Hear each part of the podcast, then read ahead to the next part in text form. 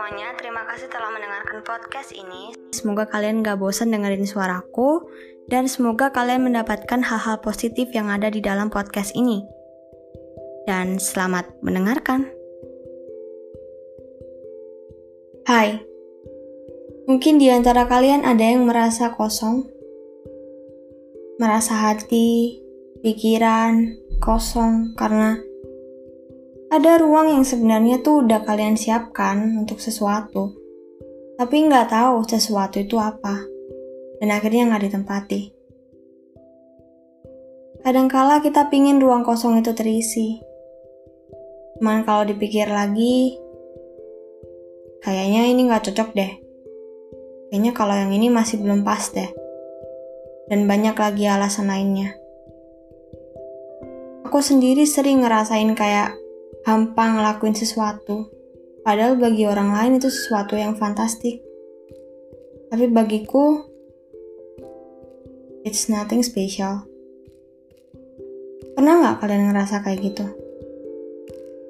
Hidup ngerasa gitu-gitu aja, nggak ada yang berubah, dan juga nggak pingin berubah. Bosen terus tapi males ngapa-ngapain. Tapi sebenarnya ada hal lain yang buat jadi hampa. Dari mulai selalu sendiri, teman yang mulai sibuk dengan aktivitasnya sendiri, dan bisa jadi kamu ditinggal orang yang paling berharga dalam hidupmu. Sometimes, kamu ngerasa hidupmu gak ada gunanya. Aku punya cerita tentang kekosongan ini. Dengerin ya. Hai, aku Rani. Aku orang yang ceria dan suka bercanda. Aku memiliki seorang sahabat. Dia adalah sahabatku yang paling dekat. Dia nggak pernah mau ngejatuhin aku. Sebut aja dia Nindi. Aku berteman dengannya saat kita masih kecil, sampai sekarang umur kita 19 tahun. Aku sangat bersyukur memiliki sahabat seperti Nindi. Dia nggak pernah ninggalin aku. Dia seperti kakak aku sendiri. Terkadang dia cerewet, kadang dia suka tiba-tiba naktir aku. Dan dia juga yang biasanya nemenin aku pada saat aku lagi down. Aku memang sangat bandel, Sampai-sampai dia sangat kerepotan jagain aku. Aku bingung kenapa dia mau sahabatan sama aku. Tapi dia bilang, udah takdir kali gue ketemu lo. Aku cuma bisa senyum dan bahagia banget punya sahabat kayak dia. Sampai akhirnya, dia memiliki seorang kekasih. Dan mereka menikah Memang Nindi masih ada jika aku butuhkan, dan sebaliknya, aku juga ada saat dia butuh. Semasa pernikahan Nindi, Nindi sangat senang memiliki suami yang baik. Dia selalu cerita seperti itu padaku.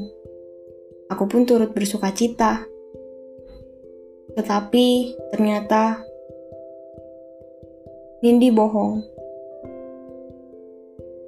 Dia bohong tentang suaminya dia bohong kalau suaminya adalah suami yang baik. Dia bohong kalau suaminya merawat dan melindungi dia. Waktu itu, Nindi menelponku. Dan dia bilang dia butuh pertolongan segera karena suaminya selama ini menyiksa dia.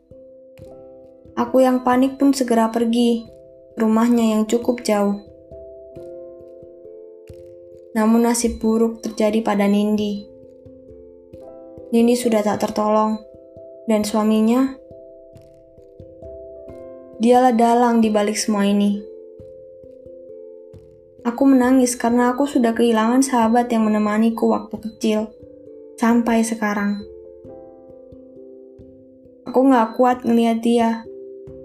Dia akan tidur untuk selamanya. Dan tak ada lagi Nindi yang cerewet di dunia ini. Tak ada lagi Nindi yang selalu jagain aku. Semua tinggal kenangan. karena Nindi sudah pergi untuk selama-lamanya. Mulai saat itu, aku ngerasa hampa, ngerasa kosong, dan ruang kosong itu selalu jadi tempat untuk Nindi, yang padahal Nindi gak akan pernah kembali. Kehilangan sahabatku satu-satunya yang benar-benar menyayangiku layaknya seorang adik, itu sangat-sangat menyakitkan.